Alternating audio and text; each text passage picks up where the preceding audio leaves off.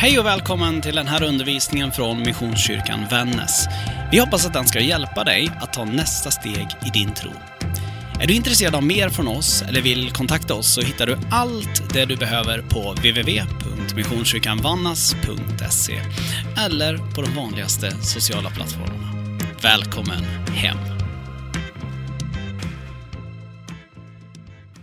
Vi har ju haft några veckor nu där gudstjänsten har handlat om möten. Möten hämtade från Nya Testamentet mellan Jesus och människor. Ni har fått höra om när Jesus mötte fiskarna, Simon, Andreas, Jakob och Johannes. Och när han mötte tullindrivaren Sakaios. Möten som på många sätt är vardagliga och enkla. Jesus dyker liksom bara upp mitt i det som är deras liv. Och så förändras allt. Simon, Andreas, Jakob och Johannes lämnar sina nät och följer honom, blir lärjungar och människofiskare. Sakaios, han får allt vackert klättra ner från det trädet han sitter och spanar i. Och inte bara möta Jesus, utan också sig själv. Insikten att han har blivit rik på andras bekostnad och framförallt upptäcka viljan och längtan efter att förändras och förvandlas, göra gott. Idag ska vi också läsa om ett möte från Nya Testamentet mitt i vardagen, där Jesus plötsligt dyker upp. Jag läser från Lukas evangelis 17 kapitel, verserna 11 19.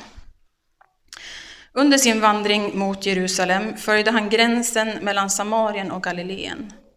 När han var på väg in i en by kom tio spetälska emot honom. De stannade på avstånd och ropade Jesus, Mästare, förbarma dig över oss. Då sa han till dem, gå och visa upp er för prästerna. Och medan de var på väg dit blev de rena. En av dem vände tillbaka när han såg att han hade blivit frisk. Med hög röst prisade han Gud och kastade sig till marken vid Jesu fötter och tackade honom. Han var samarier.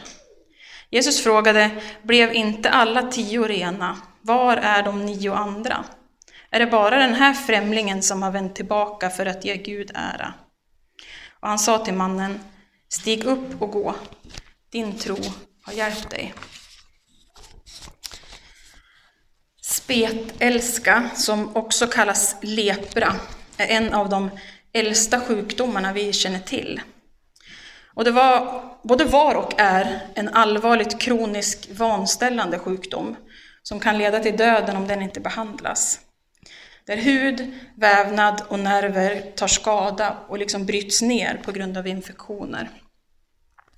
Det sägs att spetälska fanns långt före Jesu tid. Vissa hävdar att det fanns i Kina redan 2700 år före Kristus.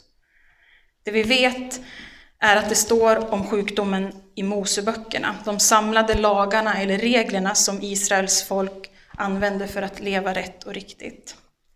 Och där finns det regler, stränga regler för vad spetälska fick och inte fick göra. Tredje Moseboks trettonde kapitel berättar alldeles i början om att det var till prästen man skulle gå med diverse hud och kommor, för att först konstatera om det var spetälska eller inte. Och det var sedan prästen som avgjorde om det var allvarligt och därmed orent och hur länge den sjuke skulle isoleras eller om det har läkt tillräckligt för att betraktas som ren. Och i vers 46 står det så här. För den som har fått spetälska gäller följande. Han ska gå med sönderrivna kläder och med hängande hår, dölja sitt skägg och ropa oren, oren. Så länge han har sjukdomen är han oren. Han är oren och ska bo för sig själv och ha sin bostad utanför lägret. Den som drabbats av spetälska fick alltså inte komma nära friska människor och måste hela tiden ropa att de var smittade om de befann sig i närheten av andra. Skammen och känslan av utanförskap måste ha varit total. Det var förmodligen därför de tio spetälska vi läste om befann sig i grupp. För att det är bättre att vara utstött tillsammans. Och det var därför de tio stod på avstånd och ropade till Jesus. De ropar att han ska förbarma sig över dem. De tio vill ha hans medlidande. Det man kanske skulle kunna förvänta sig av Jesus är att han skulle gå fram till vännen. Att han skulle trotsa den där grejen att spetälska inte får vara i närheten av friska. Att han skulle lagt sina händer på dem och be. Men det blir inte riktigt den reaktionen hos Jesus som i alla fall jag hade förväntat mig. Istället för att faktiskt möta dem så kommer uppmaningen att gå vidare och visa sig för prästen. Just att de skulle visa sig för prästen var ju inget konstigt. Jag sa ju tidigare att det har vi ju lärt oss nu, att det är det man ska göra, både när man blir sjuk och när man blir frisk. Att det är prästen som avgör om man är ren eller oren. Så Jesus skickar dit dem, och det verkar ju inte sämre än att det på vägen händer något. Plötsligt. Med de här tio. Och det är inte första gången som en spetälsk blir helad på ett oväntat sätt. Speciellt inte i Bibeln. I Andra Kungaboken 5 så berättas det om Naman. Han var den armeiske kungens överbefälhavare. Naman var spetälsk och sökte bot. Och efter många turer så hamnade han till slut hos gudsmannen och profeten Elisha, som istället för att möta upp Naman skickar en uppmaning till honom om att fara till floden Jordan och doppa sig sju gånger. För då skulle huden läkas och han skulle bli renad och frisk. Namans reaktion är att han först blir sur. Eh, han hade liksom hoppats på en annan typ av helande. Kanske att den här profeten Elisha skulle komma emot honom själv, ropa till Gud, röra, klappa på hans sjuka hud tills den blev botad. Och Naman han är så vrång, han fattar liksom inte vad som ska vara grejen med just Jordan. Så han vill bara åka hem igen. Men så blir han övertalad att testa, att gå lite i tro. Och han blir frisk. Både Naman och de tio spetälska ber om hjälp för att bli friska från sin sjukdom. De vänder sig till människor som har närkontakt med Gud och bär på en förväntan och ett hopp om att det här helandet faktiskt kan finnas. Och så uppmanas de att göra något som de inte förväntar sig. De tio kände förmodligen sig rätt fåniga när de började gå där på vägen mot prästen. Att de liksom skulle gå dit och slösa med hans tid innan de ens hade sett någon liten förbättring i sin sjukdom. För visst hade det varit lätt att likt Naman tjura ihop och bara tänka att den där Jesus han bryr sig ju inte. För att han inte agerar på det sätt som vi förväntat oss. För att svaret och helandet inte kommer på det sätt som vi har sett framför oss. Vi kanske inte tänker att det är så, men jag är övertygad om att många gånger har vi en idé om hur vi vill att Gud ska svara på bön. Och att den idén gör att vi inte tror att det kan ske på andra sätt. Eller att vi har en bild av hur ett möte med Jesus ska gå till. Hur det borde kännas och hur det borde vara. Istället för att bara förlita oss på att Gud både kan och vill svara på våra böner. Och han kommer göra det som är bäst för oss. Och att Jesus kommer möta oss precis där vi är på det sätt vi behöver, snarare än på det sätt vi förväntar oss. Det svåra i den här ekvationen, förutom att på något vis släppa på det som är våra egna föreställningar och förväntningar, är att faktiskt se när det händer på oväntade sätt. Att upptäcka att det där bönesvaret har kommit när jag minst anar det och kanske inte ens kommer ihåg att jag bett för det. Eller att faktiskt tänka och känna att även det där enkla mötet med Jesus är ett möte, och ett viktigt sånt. Det behöver inte vara storslaget, omvärvande och liksom golvande. Utan Jesus han kan möta oss på samma sätt som han gjorde med Simon, Andreas, Jakob och Johannes. Mitt i vardagens bestyr, bara säga kom. Eller som han gjorde med Sakaios när han i all enkelhet bjöd hem sig själv till honom. Det är liksom inga ansökningar eller inbjudningar, utan bara vardag och enkelhet. Och när de tio spetälska kommer mot honom, ropar på honom på avstånd, så kanske det kan tolkas och uppfattas att det från Jesus sida bara är en axelryckning han möter den situationen med. Att han tänker lite att, ja, kom inte till mig, gå till prästen. Det är ju liksom prästens uppgift att hålla koll på vem som är sjuk eller frisk. Men det de här tio får uppleva när de faktiskt traskar vidare i livet, mitt i det som är vardag och enkelt, är ett förvandlat liv. För som friska kunde de få bo tillsammans med sina familjer igen. De kunde få sina liv tillbaka. När en av dem såg att han hade blivit fri från spetälskan så återvände han. Och man tror att det var precis på en gång, redan innan han hade kommit fram till prästen. Det som har hänt honom är nästan för bra för att vara sant. Och han är övertygad om att det är den där mannen, han som har sagt åt dem att gå. Det är han som har befriat dem. Vi vet inte exakt vad som händer mer än att han kommer tillbaka till Jesus igen, fri från sjukdom och full av tacksamhet.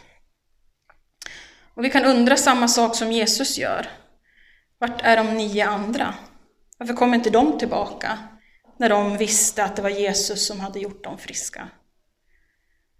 Kanske orkar de inte.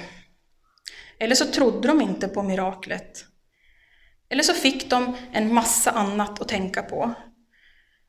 Att de skulle skynda sig till prästen för att bli förklarade rena, så att de kunde komma hem till sina familjer igen. Så säger Jesus till mannen, stig upp och gå, din tro har hjälpt dig. Och det handlar inte om att Jesus vill bli av med honom, att han tycker att det räcker lite med lovprisning nu, utan i Jesu ord finns det en djupare innebörd än att den här mannen har blivit frisk. I andra översättningar står det din tro har frälst dig. Alla tio blev helade från sin sjukdom. Men mannen som kom tillbaka, han har fått någonting mer. Han har också blivit befriad, räddad, upprättad. Han har fått uppleva frälsning. Han sökte upp Jesus igen med sitt tack för det han redan fått. Och så fick han ännu mer. Mer än han någonsin hade kunnat förvänta sig. Den här mannen gick i tro när Jesus sa att han skulle gå till prästen. Men han förstod kanske inte vad tron skulle innebära. Vi kan också behöva befrielse på flera plan. Ibland kanske vi tänker att det är en sjukdom som står i vägen eller som förstör för oss. Att om vi bara blev av med det hindret så skulle livet vara så mycket enklare och bättre. Ibland kanske vi kan uppleva att vi blir friska, men att det är något som inte stämmer ändå. Att det finns ett skav, ett tomrum, ett hår som behöver fyllas, en pusselbit som saknas. Och det finns situationer även i vår tid där Jesus helar, men människor förstår inte att det är han. Eller så struntar de i att det är han. Och därför inte får befrielse hela vägen, utan bara blir friska, men fortfarande lider. Det är lite svårt att prata om på ett balanserat sätt, för alla blir inte friska från sina fysiska eller psykiska sjukdomar från det som kan drabba oss här på jorden. Och det kan kännas orättvist och fel. För den här mannen som Jesus helade från spetälska blev det där mötet så avgörande att han återvände till mötesplatsen och till Jesus. Tron fick fäste inte bara i kroppens läkedom. Så blev det även för Naman som efter sitt helande säger nu vet jag att det bara finns en Gud, och det är Israels Gud. Helandet hjälpte till och skapade tro. Men det var inte längre bara deras kroppar som hade förvandlats, utan också deras hjärtan. Oberoende av kroppens läkedom eller inte kan tron få fäste i oss, i våra hjärtan. Vi kan alla bli befriade och räddade, få trons gåva och fylla det där tomrummet. Byta hopplöshet till hopp, oavsett vad vi brottas med, fysiskt eller psykiskt. Oavsett om vi är friska eller sjuka. I mina olika biblar så har den här texten olika rubriker. I en så står det Jesus botar tio spet älska. och i en annan Den tacksamme samarien. Och man kan läsa berättelsen på båda sätten. Hittills har vi pratat om när Jesus botar tio spetälska, men jag tänker att vi också ska gå in på det som handlar om den tacksamme samarien. Det som stack ut med den här mannen, förutom hans tacksamhet, är att han var en främling, en utlänning, en samarier. Och just eftersom han var det så var han utestängd från templet. Men det berättelsen visar och lär oss är att han inte är utestängd när det kommer till Jesus. Den spetälske samarien fick ta emot helande och när det händer kan han inte låta bli att komma tillbaka, återvända till Jesus, tacka honom, prisa honom för läkedom och hälsa, för att vad han har fått tag emot. Och hans tacksamhet, det han gör, ger honom ännu mer. Gud tvingar oss inte att vara tacksamma, men han vet hur gynnsamt tacksamhet är. Tacksamhet är den bästa medicinen mot avundsjuka, bitterhet och oro. Vissa har det i sig bara naturligt och tycker att det är något lätt. Men tacksamhet är också något vi kan välja att leva i. Det är ett mindset som vi kan växla till genom att bestämma oss för att vara tacksamma för det vi har och då ser vi nya saker som vi är tacksamma för. Det ger oss nytt perspektiv på livet. Jag vet inte hur lätt eller svårt du tycker att det är att visa tacksamhet eller att komma ihåg att tacka Gud. När vi var små, jag och min bror, så lyssnade vi på kassettband när vi skulle sova. Och på en av kassetterna så berättas det om två änglar som i varsina korgar samlade människornas böner. Den ena ängeln samlade in våra önskningar och den andra våra tack. Korgen med önskningar blev snabbt överfull, medan den andra ängeln, ängeln med tackkorgen, inte fick så mycket böner med sig till Gud. Det gjorde att vi innan det var dags att sova brukar anta utmaningen från kassetten att försöka fylla ängelns tackkorg där på kvällarna. Och det sitter kvar i mig att jag måste komma ihåg att tacka. Ofta glömmer vi bort att tacka Gud för allt det goda han gör i oss, ger oss. Men att få tacka Gud för det han ger, det är faktiskt lika stort som att få svar på bön. Våra liv och våra sätt att leva, tänka och tro mår otroligt bra av att vi uppmärksammar den som är grunden för allt det goda som faktiskt är våra liv.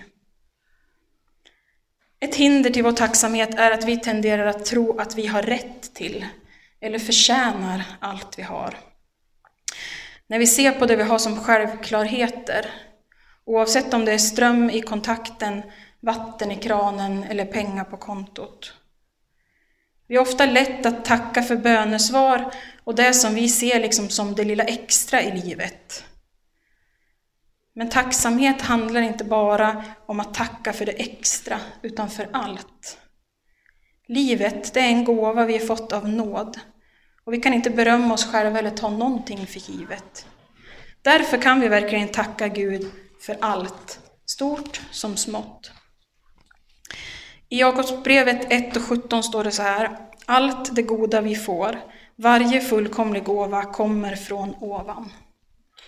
Alltså, allt gott vi har kommer från Gud.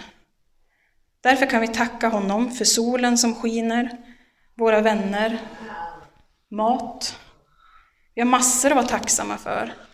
Listan kan göras lång. När du tackar Gud för allt det goda du har i ditt liv så kommer du märka att du känner dig gladare. Så pröva det nästa gång du känner dig lite sur och butter. Ingen av oss har behövt höra att vi är orena, blivit utstötta ur samhället, tvingade att lämna våra familjer, att leva på avstånd till andra människor med sönderrivna kläder. Det får vi vara tacksam, tacksamma över. Men vi har andra saker som vi brottas med. Sånt i våra liv som kan smärta, skapa utanförskap, få oss att känna oss annorlunda. Men mitt i allt det som kommer Jesus, Du ser att det är han som går där borta på vägen. Ropar du på honom? Hallå, här borta. Snälla, kan du hjälpa mig? Eller tänker du att han har fullt upp med annat? Att det finns värre saker att drabbas av? Att det jag står i är väl inte så farligt ändå? Tillåter vi honom att göra oss friska, att ge oss befrielse? Ibland tror jag inte det. Jag vet för egen del att det finns vissa saker i mitt liv där jag tänker att det där har inte Jesus tid med. Han har fullt upp med annat, viktigare saker än att hålla på med småfix i mitt liv. Men hur ska vi kunna prisa Gud med hög röst, kasta oss vid hans fötter av tacksamhet, om vi aldrig släpper in? Om vi aldrig låter honom befria oss? Om vi aldrig ser det han gör, utan hela tiden stannar på avstånd, håller oss på våran kant och tänker att Jesus har ju mycket viktigare saker för sig. Det var ett kollektiv som sökte sig till Jesus som bad om hans hjälp, om hans förbarmande. Vi vet ju inte, kanske stod den här samariske mannen tyst bredvid de där andra nio och tänkte att det är ingen idé, spetälska är liksom kört. Och ändå lite långsamt släntra iväg mot prästen med de andra. Han kanske gick där och hängde med huvudet lite hopplöst när han såg att någonting hade ju hänt.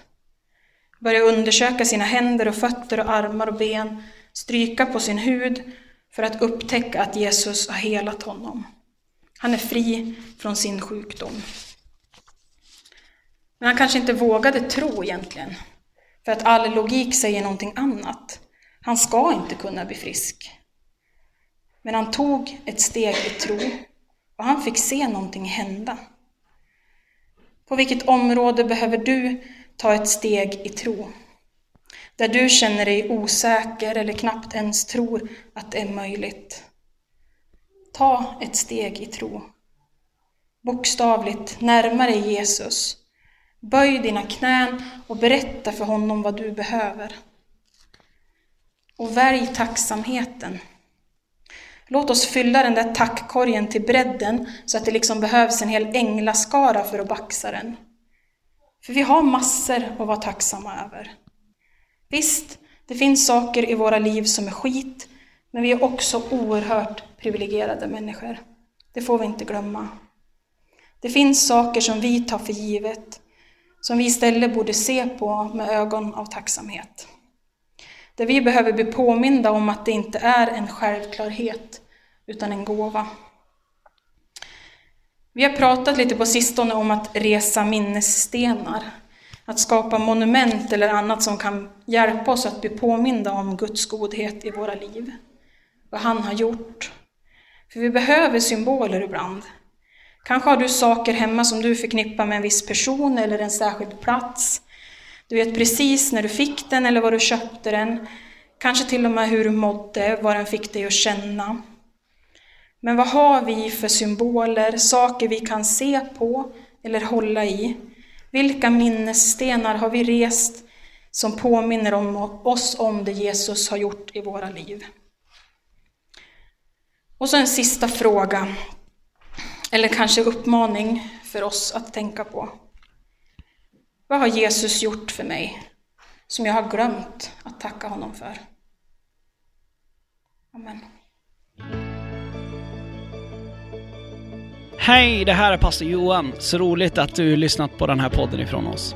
Jag hoppas att den har fått betyda något för dig och min bön det är att det du fått lyssna till, att det faktiskt har gett dig praktiska verktyg för ditt liv framåt. Vill du veta mer om oss så spana gärna in vår hemsida. Där finns också fler poddar och undervisning. Har du lyssnat genom Spotify eller till exempel en poddapp så får du mer än gärna prenumerera på vår kanal. Gud välsigne din vecka.